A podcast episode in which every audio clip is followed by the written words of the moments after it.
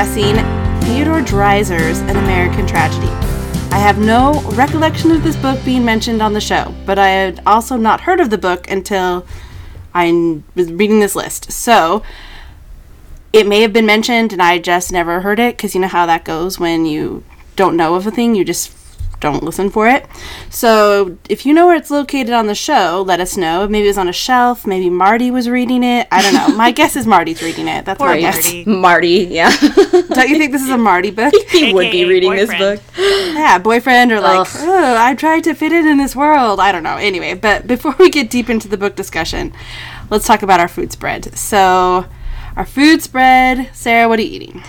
Um, well, this isn't necessarily very on brand for Gilmore's, but I am eating some fresh nectarines that I got at the store yesterday, and I'm pretty excited about, you know, some good stone fruit coming up for the fall. I, lo- I love nectarines and peaches, so I'm I'm feeling healthy right now. Oh, good Uh, for you. Healthy choices. I know. Look at me. Erin. Um, so I am channeling Liz's spirit from last episode with my own cheese spread. I've got almond nut thins and Swiss cheese. And then I've also got a bottle of raspberry cordial all the way from Prince Edward Island that I am Oh my gosh. as well. From What? Marilla- From Marilla's cellar? From Marilla's cellar. I it would be Mm-hmm. it's not terribly apropos, but we're not discussing Anne of Green Gables on this podcast series, which What a might be a total oversight, but Mm-hmm. uh, on the part of I would Amy discuss Sherman all day long. Palladino.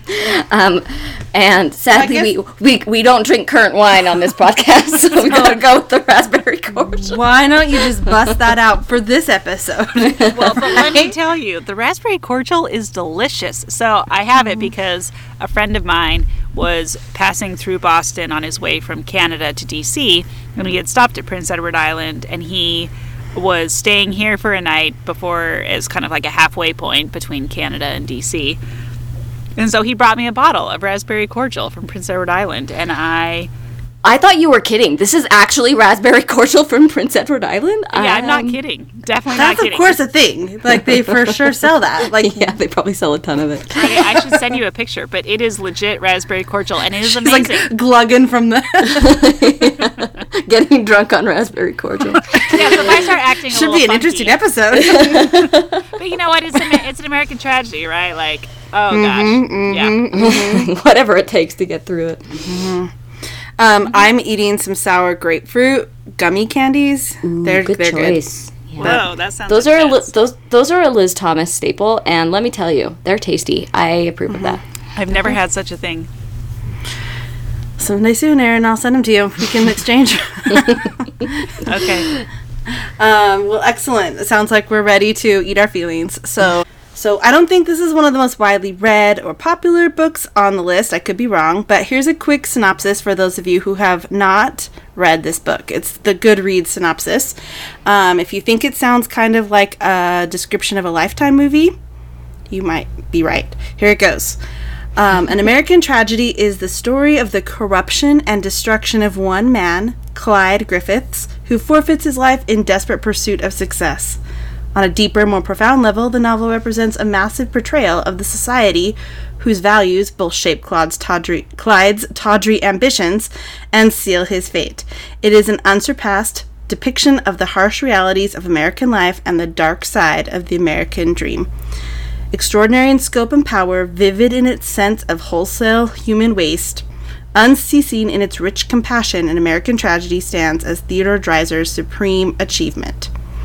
So, I don't really feel like that tells you what happens in the book. So, that's kind I of also like um, praise for it. I, yes, I also kind of take issue with some of those statements. too. But that was the Goodreads. We'll discuss. That was the Goodreads. That was the Goodreads. Here's my version. Ready?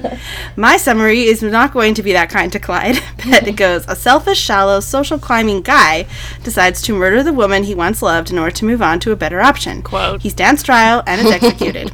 I did not feel feel bad for him at all. So, did I miss anything? no, sounds about right. Anyone want to add any details for the summary?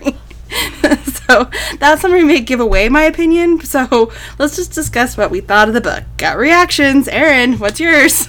Oh my gosh, I oh this book. Okay, so this is more or less my reaction as I was reading through the novel. Now, let me say first of all, I thought Theodore Dreiser did a really terrific job writing this book because my reaction to it was like visceral.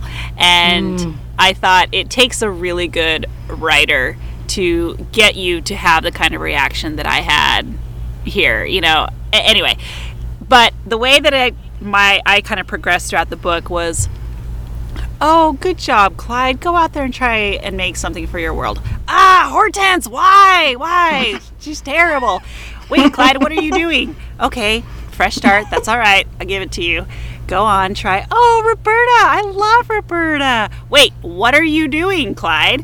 What are you doing, Clyde? Are you kidding me? What is happening, Clyde? Ah, Clyde, I can't handle you. You got what you deserved. I'm done. That was Ooh, I pretty like much it. how I reacted to the book. Oh, But, and that makes a good summary too. that was a fun journey. I like it. That works. So that was your gut Raspberry reaction. talking.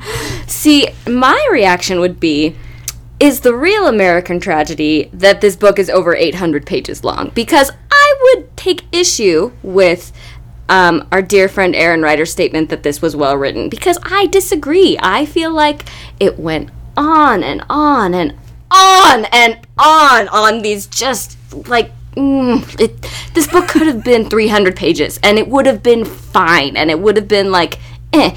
Instead, it was 800 pages and it was just infuriating. There was an occasional good sentence, but it would be like, oh, this is a good sentence. Oh, wait, it's still going on, like three lines later, and there hasn't been a period. Like, I just think he has a tendency to draw things out. And I, so the writing, I just really, it, I, you know, it's supposed to be this astounding achievement in naturalism, which maybe we'll talk about, but I just didn't like it. I I was too frustrated with how slow it moved, and I didn't feel like the prose had enough umph to it. It was just like he was a reporter in a previous iteration of his career, and you could read, you could tell, like it's just kind of like reporting on what happened. It was essentially our first true crime novel, you know, and it. I just didn't think that there was poetry in the prose. I thought it was, ugh, and I, I, I feel like the author hated women. The character obviously hated women, and I just really, really hated this book. So But there we go. hold on. I just have to defend my statement here for a second. That's very fair. because I think that that I think the fact that it droned on and on, I mean that drove me nuts as well. And there were times where I was like, "Why are we still talking about whether or not Clyde is thinking about murdering her? How many pages can we talk about this? Clearly, it's going to happen." But at the same time, like by the time that it actually happened, like I felt like I had been there with Clyde as he was having this like huge internal debate about what he was going to do and you know like whether or not he was going to do it. And a lot of times authors will cut that stuff out because it's excessive and because it's a lot. But it, a real person would actually go through a long period of deliberation, you know, generally. I don't know. I I don't know how people think when they murder someone. But, you know, the point is like when you're making a big decision, like you it's not like, oh, snap done Sure. and we move on. And so And I I know was that more was- realistic. Yeah, I know in the um, and that's a good point. In the in the foreword to the edition I read, it talked about that was kind of Dreiser had been like ruminating on that point, like what motivates, like what what's in the mind of a killer. You know, he wanted to know. So sure, he spent a lot of time in Clyde's inner inner thoughts, which were tedious because Clyde was the worst. But um, maybe it does just kind of envelop you in the world because it is so consuming, and and I can see that. But man, whew, I just did not like this book. Yeah, I think I think my dislike of it was not the way Dreiser wrote it, but the fact that I just like hated Clyde so much, and I was like, Clyde, I, I just I want to smack you, like Clyde, Yeah. I don't. What are you doing? Yeah, both. I'm I'm with you on both of that. So I just disliked both of the the writing and the characters. None of it worked for me. Liz, what about you? Well, I don't know if you could tell from my summary that I didn't really like it. I mean, by the time I got to Hortense choosing to buy her fur coat, um, I was done. I was like, I cannot read more of this, but I will. So, I mean, you say you can't really relate to a character trying to decide if they should murder someone. Maybe you can relate to the character trying to decide how she could manipulate a guy to buying her a fur coat for two chapters that has no bearing whatsoever on the rest of the book. Like two chapters on that fur But coat alone. But it does alone. I have a bearing, though. I mean, tangentially, yes, it does. But I did not need to know how. I mean, I just didn't need to. Like, but I was reading that chapter thinking, nope, nope. There's run on sentences. Like, it's just not important. Like, why is this still talking about this event? Like, you can just say, she needs a fur coat because she wants one. Or, but you can just mention it in, like, a paragraph. It doesn't need two chapters on it. Like, it might be important, but not two chapters important. Anyway, I'm not going to harp on it just as long as he did. My point is, I knew I wasn't going to love it, and there was no really redeeming characters or um, even the plot turn. I was kind of sickened by like the plot. I don't really get in for like um, murder stories like this as much as I should. I guess I don't know. As you But- should. I just uh I just think I didn't love it and it's uh, it has kind of a, you know, a gripping plot. You want to find out what happens for some people, I guess, but the writing style too was just a little run-on sentencey for me.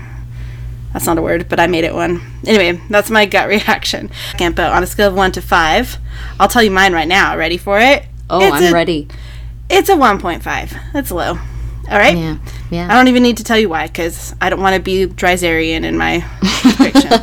Go ahead. Um, I think. See, I would still give it a three point five. Like I didn't, I didn't hate the book at all. In fact, there were. So I typically read on the on the T on the subway into work in the morning and, and then back home again, and like most days I was like, oh, I want to go. I want to go read the book. Like it made me want to keep reading, and I did want to keep reading, even though there were times when it was tedious. But I wanted to keep reading, and so for me, even though like I kind of ended up hating everyone except really Roberta, but we can talk about that anyway. Oh, poor Roberta. Yeah. Um, so I give it a three point five. All right. Sarah? Um, I'm gonna go with a two, um, because I just thought it was real bad. Um, I do have an appreciation for a true crime novel, which you know maybe we'll get to when we get to In Cold Blood, which is amazing, right? The best example there is of a true crime novel, and um, and you know I like me a true crime documentary on Netflix as much as the next person. So, like Aaron said, there's something compelling about the plot that wants you want to find out what happens, but uh, it's yeah, it, the writing was too too much for me, and the characters were as much as he delved into their or Clyde's rather um, inner life and musings and and motivations. I, it just it was a, a world I did not enjoy being in. I uh, really disliked that character, and since he was essentially the whole book, uh, it was a thumbs down for me. So that's I mean, a we two. got into the minds of some other characters, sadly. a but- little, yeah, yeah. I mean, the Goodreads average rating, believe it or not, is higher than Huckleberry Finn's. So I don't Wow. understand that. It is What? 3.94. So, No accounting for taste. I mean, I think people sometimes want to place a lot of importance on it, but I don't know. I don't know why it would do that. So let's talk about that a little bit and why this book matters or what the importance of it was because there is something that I learned as I was reading Kavalier and Clay from our last episode is he referenced Dreiser. He talked about this book. He wanted to he thought there was a Dreiserian style that he wanted to emulate in his own writing of a novel. Um, Sammy Clay did. So as soon as I'd read the book, I saw it pop up in a couple of places, right, his name. And he is known for his naturalism and for, um, you know, going in as a reporter as opposed to, um, I think, someone who's, you know, there's an objectivity to it, I guess, is the idea behind it. It has an objective point of view. Um, but the interesting thing about this book is it is a true crime book, it is based on a notorious criminal case So on July 11th, 1906, resort, own, resort owners found an overturned boat and the body of Grace Brown at Big Moose Lake in upstate New York. Chester Gillette was put on trial, and you can actually listen to audio t- files of the trial. Can you And- really? Wow. Um, you can. I am not going to include them because I started to listen to them and I was like, pass. I'm bored of the book. I don't want to listen to it here. But you can. So I'll hook you up with a link or two. Um, there's uh, audio. Anyway, Chester Gillette was put on trial and convicted of killing Brown, though he claimed that her death was a suicide. Gillette was executed by electric chair on March 30th in 1908. Now, if that sounds familiar, that's because Dreiser used it as his um, his inspiration for this novel. So he apparently knew many similar stories. He thought his this was a common American story and common among Amer- American men, where they Oh, kill the woman they didn't want to marry so they could marry someone else. So I didn't realize that. I mean, I don't know. So for me, why it matters probably is because of the themes in it about the American dream and social structure. Um, so beyond just being based on a true story, what did you guys pull out of it that you think would make it something that matters to people? So I kind of take issue with the idea of it being this great novel on the dark side of the American dream. I don't know that it's about the dark side of the American dream, but I do think it has some merit about the dark side of the upper class and about the social hierarchy that existed at the time um, that kind of put, ended up putting everybody in this position. You know, Roberta suffered from it. Sandra suffered from it. Um, well, I don't know if she suffered from it, but uh, Clyde suffered from it. The other Griffiths were party to it. You know, his parents, um, Hesta, his sister, they all kind of suffered from this social hierarchy. And I thought it was an interesting commentary on the dark side of that social hierarchy of the time. And I think that that has some merit to it, in, if for no other reason than for our literary history. Yeah, I mean, it does show. I it gave me pause to think about, you know, how he could never find his place. I mean, I do think that is a little bit of the American dream. Like he wanted, he didn't want to be this poor, scrappy kid. He wanted to, you know, work in these different places, and he wanted to achieve what his cousins achieved, right? But they never really accepted him, and so it is. You're like you're saying this commentary on the upper class not accepting someone from that. But it's interesting how he's so stuck in that middle place, right? Like there's the the girl Roberta beneath him who he he has no problem over, you know, like discarding, or there's Sandra who he can never really dream of attaining and who doesn't really like deigns to talk to him. I mean, I just think it's an interesting yeah, it's a very interesting view of class and um just where people exist in those worlds and their their ethics and their morals. Sarah, what do you think about the whole American dream class situation? Well, I think it maybe just through the character of Clyde's mother, she seems to be the um like the only force for good. Like even Clyde recognizes her that way and and toward the end of the novel I I feel like she's described like at first I thought they were kind of approaching her as you know this religious zealot and there's you know her extremism there is what you know led to her poverty which you know leads to Clyde and him wanting to to do that. But but I, I think that ultimately the voice of the novel was that she was the only you know especially with her her care for her daughter who she found in that situation. Now she didn't necessarily handle that in maybe the most christian way but she was trying to help her and do what she could. And and and as we see Clyde's moral failings and his striving for for that upward mobility and turning his back on his destitute family in this destitute situation. And his upbringing. yeah and, and his upbringing exactly. I think i think that the book was trying to show and illustrate that it's it's that wholesome um, pursuit of of righteousness and of goodness and you know the i guess poverty that comes with it with that goodness is what what clyde rejects. And i think that's making a statement. I think the statement it's trying to make is that you know this this pursuit of filthy lucre you know it's uh it is is kind of was the takeaway for me. And um and that you know clyde's even even his motivations he didn't want to achieve something. He didn't want to be great. He wanted to like dress Yeah, he well. just wanted to have money. he wanted to he wanted He to have wanted money. women. yeah he wanted women and he wanted to like look like a spiffy guy because look at the women those spiffy guys had. And he was um he wasn't motivated by any sense of achievement or what or what good he could accomplish through um through that upward mobility he just wanted to be rich and so i do think that it is exploring that darker side of um what people are willing to do ultimately for nothing, right? Like what what good does that have you? You have nice clothes, but you've you're completely morally depraved and um you know, look what you've turned your back on kind of a thing. But it wasn't just money he wanted, right? I mean, Sandra was money for sure, but he also, I think, liked the idea of just women, right? Like, yeah. So this is a big thing that I was thinking about the whole way through. I was like, this is this whole book is way less about the American dream and a whole lot more about stupid things men do for women.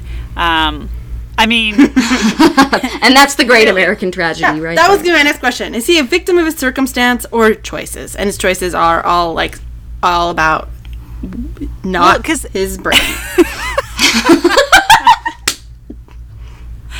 oh gosh, so um, this is a G-rated podcast, guys. Um,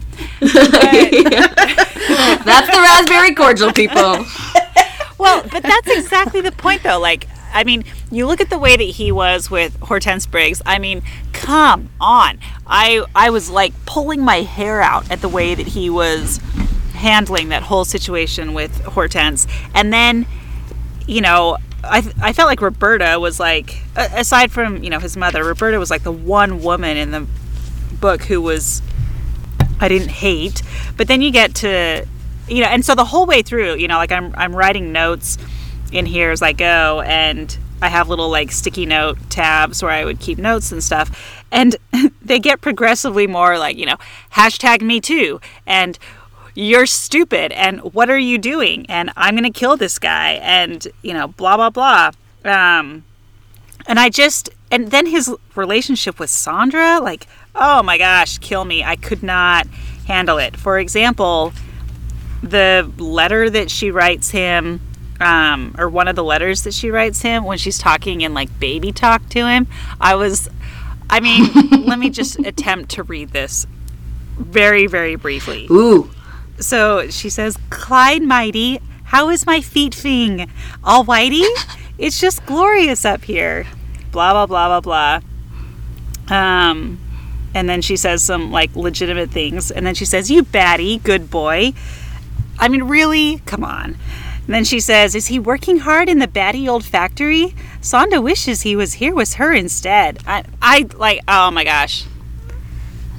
you can tell how I feel about this You're just ready to set the book on fire. really and I, point. i'm just like clyde and and the way that he talked about roberta uh, to himself you know as time is going on he's like i don't know her anything you know i don't i never said i would marry her i never said that i would you know like yeah i said i would care for her but what does that really mean anyway? And and after everything with his sister and you know and he's even looking back on his sister differently now that he's in this position. And i i don't know i was just like this is not a book about the american dream. This is a book about stupid men.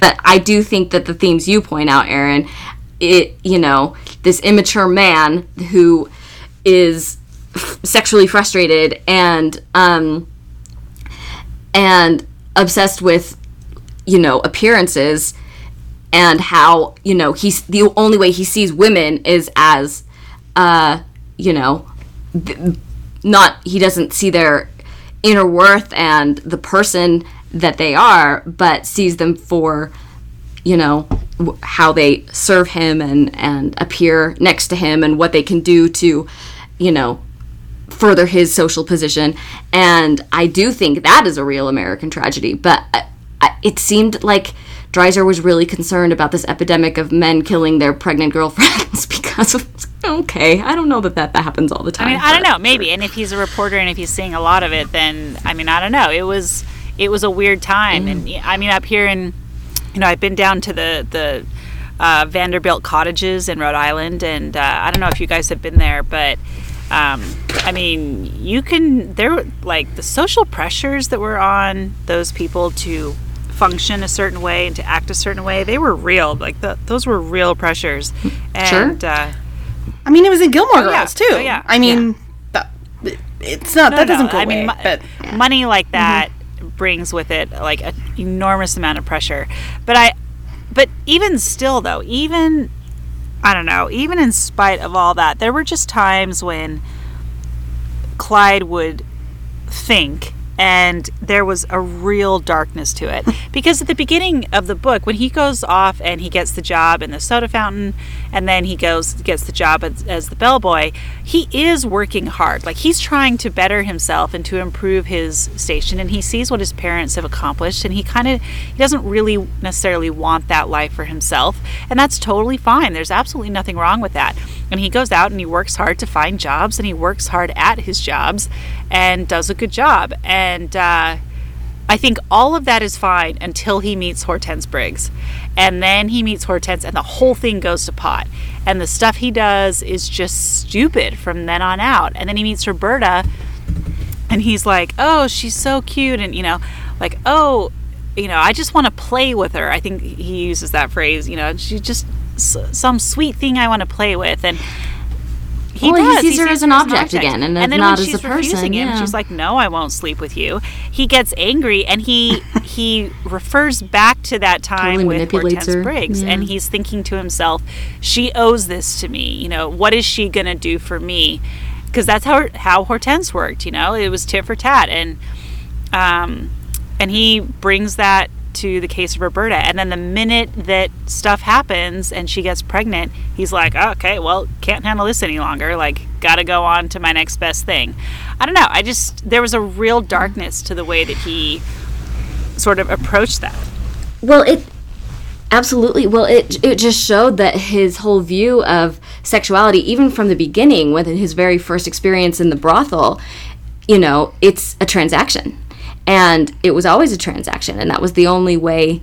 He he. What was he getting out of it? Yeah. You know, and that's how it was all the way through to the end. I mean, I'm going to disagree with you a little, Aaron, in that I do think, and I mentioned this before, but before he encounters Hortense, he is working hard and that's fine that he doesn't necessarily want the life that his parents had and his dad kind of seemed like a dud you know what i mean but um and and he wanted more for himself than that but he he wasn't really engaging with you know what is the why right? As we were talking about with kavalier and clay i think that he just his why was like i want to have some really nice clothes. And, and that was his motivation and wanting to do well was so he could have more money so he could have nicer clothes. And like his family needed his money but he didn't want to let them know how much he was making because he's gotta he's gotta look really good. And I, I guess it does eventually play into the you know how how he wants to present himself to women. So it does come back into his his dynamics with women. But i just think it it really illustrated to me from the beginning his complete lack of moral fiber or intelligence or ability right? Like when everyone else is like you know when um, gilbert or the uncle were like ah, we kind of don't think there's much there. They're right there isn't much there. He's not that promising. He's he's not motivated by anything worthy i don't think Well, I was always horrified at how he could be in this emotional situation or like a murderous situation and flip the switch, and the next second he's just like at a party with his like he could dump Roberta, so to speak, right, and then go to this party and act like it was nothing. Right, or I can, you know, Roberta can drown, and then I'm just gonna go hang out with these people, and it's gonna be. I hope I get away with it, and it's not necessarily any guilt or remorse or empathy involved is all about him. And the same with the hit and run with the little girl. Oh. Yeah. yeah. I think that it the the novel did illustrate his his loneliness in that time before he met before he and Roberta really connected and and got together but while his he was being shunned by his family I would have felt bad for him but except for the first the whole of book 1 I thought that the whole reason for book 1 cuz it, it, it for our listeners it was separated into Three. how many but 3 or 4 3 so book 1 was kind of his sort of his origin story right? And, and then it picks up you know, three years later, however many years later, as he's trying to kind of put those incidents behind him. But I feel like the whole of book one was there. The whole reason it existed, because it has nothing to do with the larger central conflict, other than to tell us who this person is. And who this person is, is a morally bankrupt dummy. And I think, I, I, th- I think that, um, I think the hit and run thing, yeah, you'd be scared for sure. But I don't think that's an excuse. No, no, no, I no, think no. But I just I can feel sympathy for it. Uh, you're a better person than me because I felt no sympathy. I was outraged, and Well, also, we're reading it in 2018. So, I mean, that was to the next question here. Um, when we read it now, I mean, life is a bit different than 1925, right? We, well, first of all, writing styles, so that's there. But laws, attitudes toward women have changed. I mean, there's been a big shift. So, you know, a lot of the things in the book that we rub against us, right? Probably rub against us because we're reading it in 2018. So, um, I think we've talked about it a bit, but just the whole novel's approach to women, Yeah. and like like Aaron said, just progressing through like oh oh oh this is so bad. Like it doesn't it doesn't explore except for yeah except for maybe the mother and Roberta, who are more sympathetic figures, and you know it does give us more insight into their um uh, personhood, but do you think we hate Clyde more because we're reading it in 2018 than readers did when it was written? No, I don't, to be honest. I think he was meant to be uh just as yeah, just as much of a a tragic, frustrating figure then. Maybe the misogyny wasn't quite as pronounced to contempt, you know, readers that were reading it in 1925 because that was just the air they, you know, kind of like fish in water where they don't they don't recognize it because that's everywhere around them, but I um I do think Clyde was just as much of a yeah. That Well, I also don't think today we necessarily find it the necess- necessary to murder a woman who is pregnant and you can't do anything about it. like I think that sort of has right. Unless you live in a lifetime world. Because i really do feel like there are lifetime movies and true crime novels or like um, all these books that are you know very kind of um, compelling like who got murdered and it's like there's twists at the end like the gone girls and the sharp objects and all those that really center around a, a sad tragic gory sexually driven crime women, yeah. yeah, where these things are horrific, eh, but they have a more, but they're still, but they're still wildly popular, and people read them like crazy. So, I mean, I, I guess what's, why is that still popular? Even Why- if like society's changed and those Why why is true crime popular? Why is why is Yeah. what exactly po- popular? why is true saying? crime popular? Because I don't we're always going to be Why? fascinated Yeah. by the gory details of think so, someone's like sordid crimes. Yeah, I think there's just it's maybe the darker side of human nature that you know you, um, that and maybe Liz, you don't have a dark side, and that's why you don't. No, I, I mean, I Find don't it as interesting, I but- don't, I don't love my SU. I mean, my Law and Order SVU. I will admit. Um, so I don't know, but people do. It's like the most popular genre of television, practically, right? So clearly, people like to, and those are not things that they just make up. They're based on something real, like Dreiser did, right? So yeah, these ripped from the headline stories about Yeah. these sens- dramatizing these things. sensational murders. Yeah, that that is also a tale as old as time, I guess. But yeah, I think there's something that that connects with yeah, I don't know that darker. I, it's hard. It's hard to put a put an exact thing on it. Please cut all this out. I have no but- idea what I'm saying. No, sir, I'm not kidding. Any of that. I think it's, it's it is hard to put an exact thing. Like, what is there about us that makes us want to read about um, or watch or and you know like find out more out about something? We want the details. Do we want 800 pages of details like dreiser gave us? No we don't i think the objectivity of dreiser is what makes it hard to read. I think when That's you read it in like gone girl and how they weave it in a narrative style where you're not sure exactly what happened or you know you're not necessarily like yeah it's hard to pin down why i like also how emily gilmore puts it right when she's like i don't share the same fascination with procedural She says forensic work. forensic work I don't find forensic work as fascinating as the rest of the world.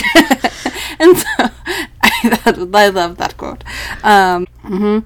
but what surprised you about the book what stayed with you aaron I think what surprised me was not necessarily the storyline, but my reaction to it. Like I had like I kind of like I said at the beginning of the episode, I had a visceral reaction to this. Like there were times when I would be sitting on the T and I just wanted to like chuck that book across the train and because I was so mad at Clyde and the way that he was treating Roberta or whatever um, and the way that he was going about things. And that surprised me because there aren't many books that I read where I just have this like real reaction to. Um, sometimes I get frustrated with the book.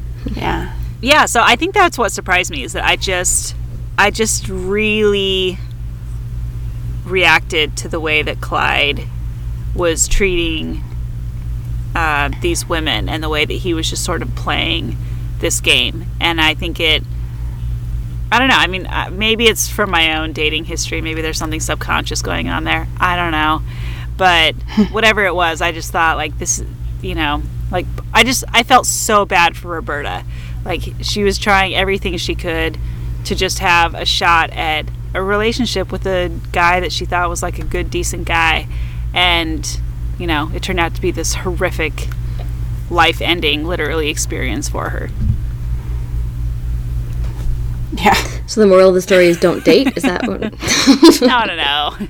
Um, dating. Sarah, is that your takeaway?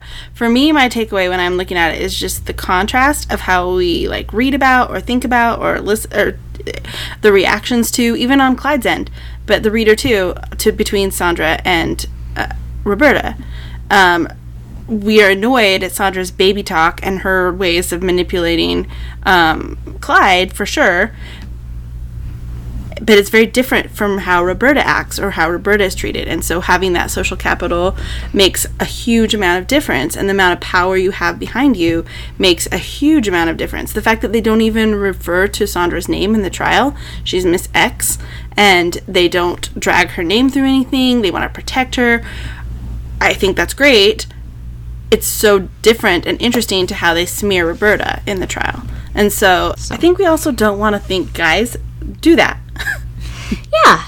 Is that is that fair to say? Like, like have ding, dangling two women, you have murderous thoughts to escape it. Like uh, that, that's a fair statement, I would Are guess. you trying to restore our Yeah. hope in dating?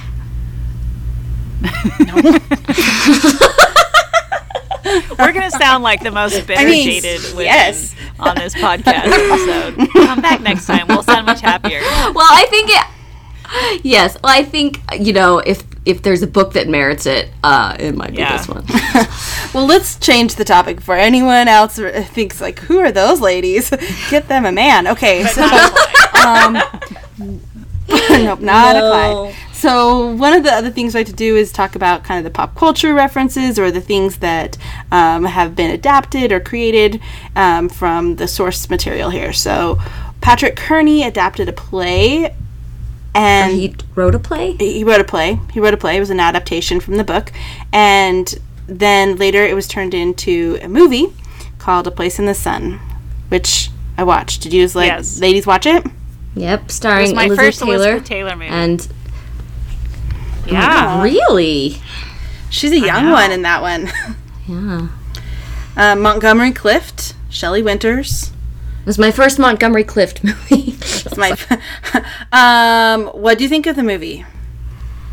I liked Uh, it. Um, I mean, it cuts a lot out. I mean, you know, an 800 page novel, you're going to cut a lot out. Um, but, and my opinion towards Clyde, like, I did not really feel, well, his name isn't Clyde in the movie, but I did not really feel any Right, sympathy changed all the towards his character in the movie like I had in the book. And I think that's because there was none of the, like, internal monologue, you know, the Dreiserian internal monologue going on that Yeah, took up so go. many pages. So you didn't have any opportunity to build any sort of sympathy for for him. I felt like they tried to play up the romance of uh, this the Sondra Oh, yeah. character and him. Yeah, I feel like they tried oh, to. With you have they Elizabeth can't be Taylor so let's together, she's in make prison. it this tragic romance. I'm like, Yeah. eh, thumbs down. like, yeah. Um, and I felt so bad for um, what was the Roberta character's name? Alice, Um, Alice, yeah, and Shelley Winters who played her, and it's like you get cast opposite Elizabeth Taylor, and she's just like, mm, sure. well, it's funny because, anyways, so there's a short story by Zadie Smith in the New Yorker, and there is at least a page devoted to the plot summary of A Place in the Sun. She's watching the movie, she's like giving her commentary while they're watching the movie in the theater, and the whole plot summary pretty much was more interesting to me than the whole book itself. So just read the Zadie Smith story. You'll get the whole plot of American Tragedy, plus Zadie Smith's amazing, and you'll get some other interesting things in the story too. So that's my plug. I'll put the link on the website. It's a good one. Great. Uh, there was an opera by Tobias Picker, um, and there was also Match Point, a Woody Allen film that is sort of mm, loosely, I would say, central plot of this. Have you guys seen Match Point? no, No, is that one with like Scarlett Johansson? Yeah. Um, I remember seeing stuff about it, but I don't. I've never seen it. I mean, I guess if Woody Allen picked it up and was like, "Good, we don't really need to like dwell on that." Yeah, hard pass. so, um, yeah, those are the main pop culture things. I didn't really know of any others. I couldn't think of a song. I mean, "Brick" by Ben Folds Five. There you go. We'll put that on Spotify. That's, that's the only thing that like stood out to it me. works on so many levels. I know, right? I was thinking slowly. like songs for this playlist should be things like "Man Eater" by Nelly Furtado and "Glamorous" by Fergie, and I don't know stuff like that. Hmm. Okay. Well, send us some of your suggestions because yeah, curious how you now you hear those you view this. what did this book inspire you when you finished it? Aaron? Nothing. Uh, yeah, I don't. I don't really have anything, guys. We're just say coming nothing. up with nothing. I want to say I'm like, oh, I.